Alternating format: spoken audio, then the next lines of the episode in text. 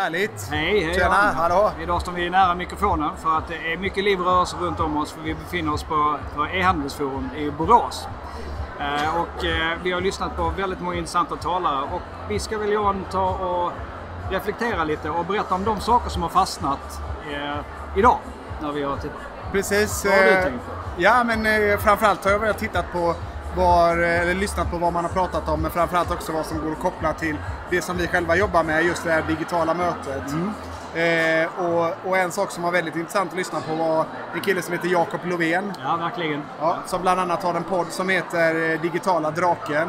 Jobbar väldigt mycket i Kina och pratade väldigt mycket om vad som händer i Kina och, och hur, hur snabbt digitaliseringen och, och ekonomin eh, växer i, i Kina. Bland annat så pratar han om eh, Singles Day som alla känner till. Den största e-handelsdagen i, i Kina. Ja, då gör vi det. Ja, nej. Vi hoppas, att alla, vi hoppas att alla känner till det. Eh, där Alibaba omsatte 25 miljarder på en dag. Eh, och 90% av den försäljningen sker via mobilen. Eh, och jag tror att det är också en jättetydlig signal. Man har alltid pratat lite grann om att mobilen är liksom eh, den är inte lika bra som webben. Det är lite lägre konverteringsgrad och så vidare. Men, men eh, mobilen är idag en förlängning av eh, handen på våra, på våra ungdomar. Va? Ja. Så det är där man kommer göra sina, sina köp i framtiden. Ja. Men det är också där man kommer möta sin kund och ha sin dialog med kunden. Och att man, att man redan idag börjar jobba med det. det. För oss är det en självklarhet. Men vi ser än idag kunder bygga schyssta appar eller schyssta mobila lö- lösningar ända tills dess att du ska ha kundkontakt. Och då man hänvisar till ett telefonnummer till en e-postadress och inte kan fånga kunden eh, där de är här och nu. Ja, Så ja. det är en viktig reflektion.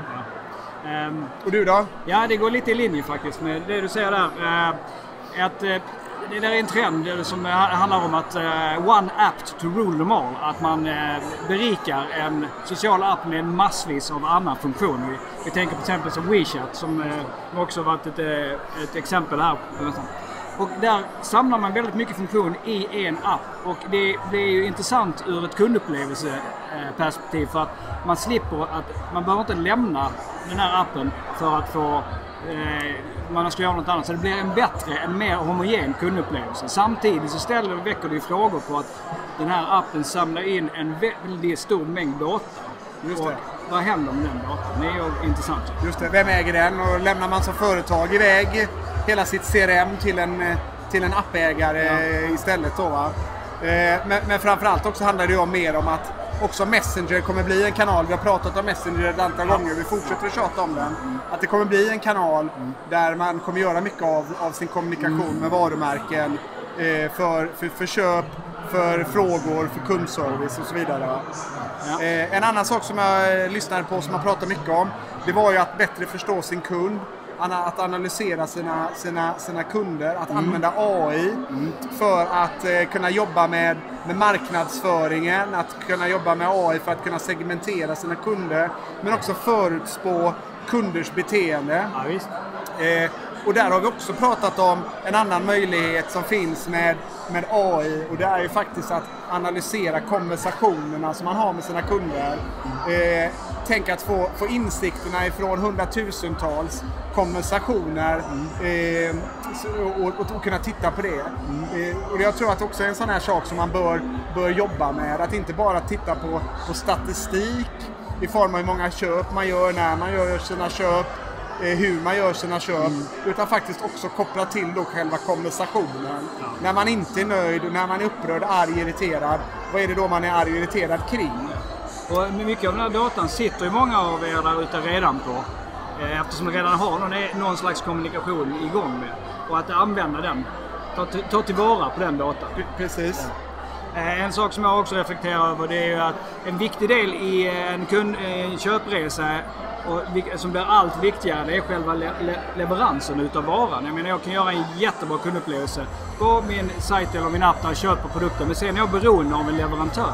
Och med tanke på då att jag tror det var 2023 eh, så kommer antalet paket som fraktas här i Sverige ha tredubblats. Och det är frågan när man blir så beroende utav en leverantör som har ökade krav på sig.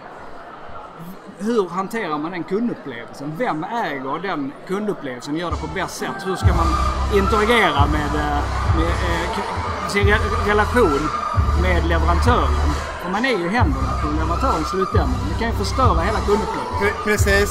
Går man in i butiken och handlar så får man kläderna fint ihopvikta. Ja. Man, får en, man får en kasse som är exklusiva. Ja. Eh, och till skillnad från att kanske det ligger en, en blöt påse utanför dörren ja. när man får den hemlevererad. Ja, ja det, det, är en, det är en utmaning verkligen. Absolut. Ja. Sen avslutningsvis ska jag bara säga det mm. att det var också en intressant föreläsning av Patrik Frisk som mm. eh, jobbar med det stora eh, eh, brandet Under Armour. Ja. Som pratar om den resan som man gör där, att bli ännu mer kundfokuserade, mm. att lyssna ännu mer på kunden att jobba med communities och väldigt mycket appar också. Mm. Men som, som en sak som var väldigt trevlig var en bild när han pratade och beskrev om kundresa. Mm. Och där kundservicen var en, en väldigt eh, viktig del av, av den helheten mm. för att mm. få det att fungera. Mm. Att det var tydligt att man pekade på att kundservice är en jätteviktig del i vår organisation för att förverkliga det här då. Mm. Det är inte alltid man visar det så. Man säger att kundservice är viktigt och sen kommer det ändå andra eller tredje hand. Men här var det väldigt tydligt att det var en del av. Ja, de vet ju vad de pratar om för det, det har gått väldigt bra för dem. Precis, en del av deras framgångsrecept. Ja. Ja. Nu rullar det igång här igen så att vi får ta och smyga tillbaka till våra stolar. Precis. Ni får ha en bra helg så ses vi nästa fredag. Det gör vi. Ha det så bra. Hej då!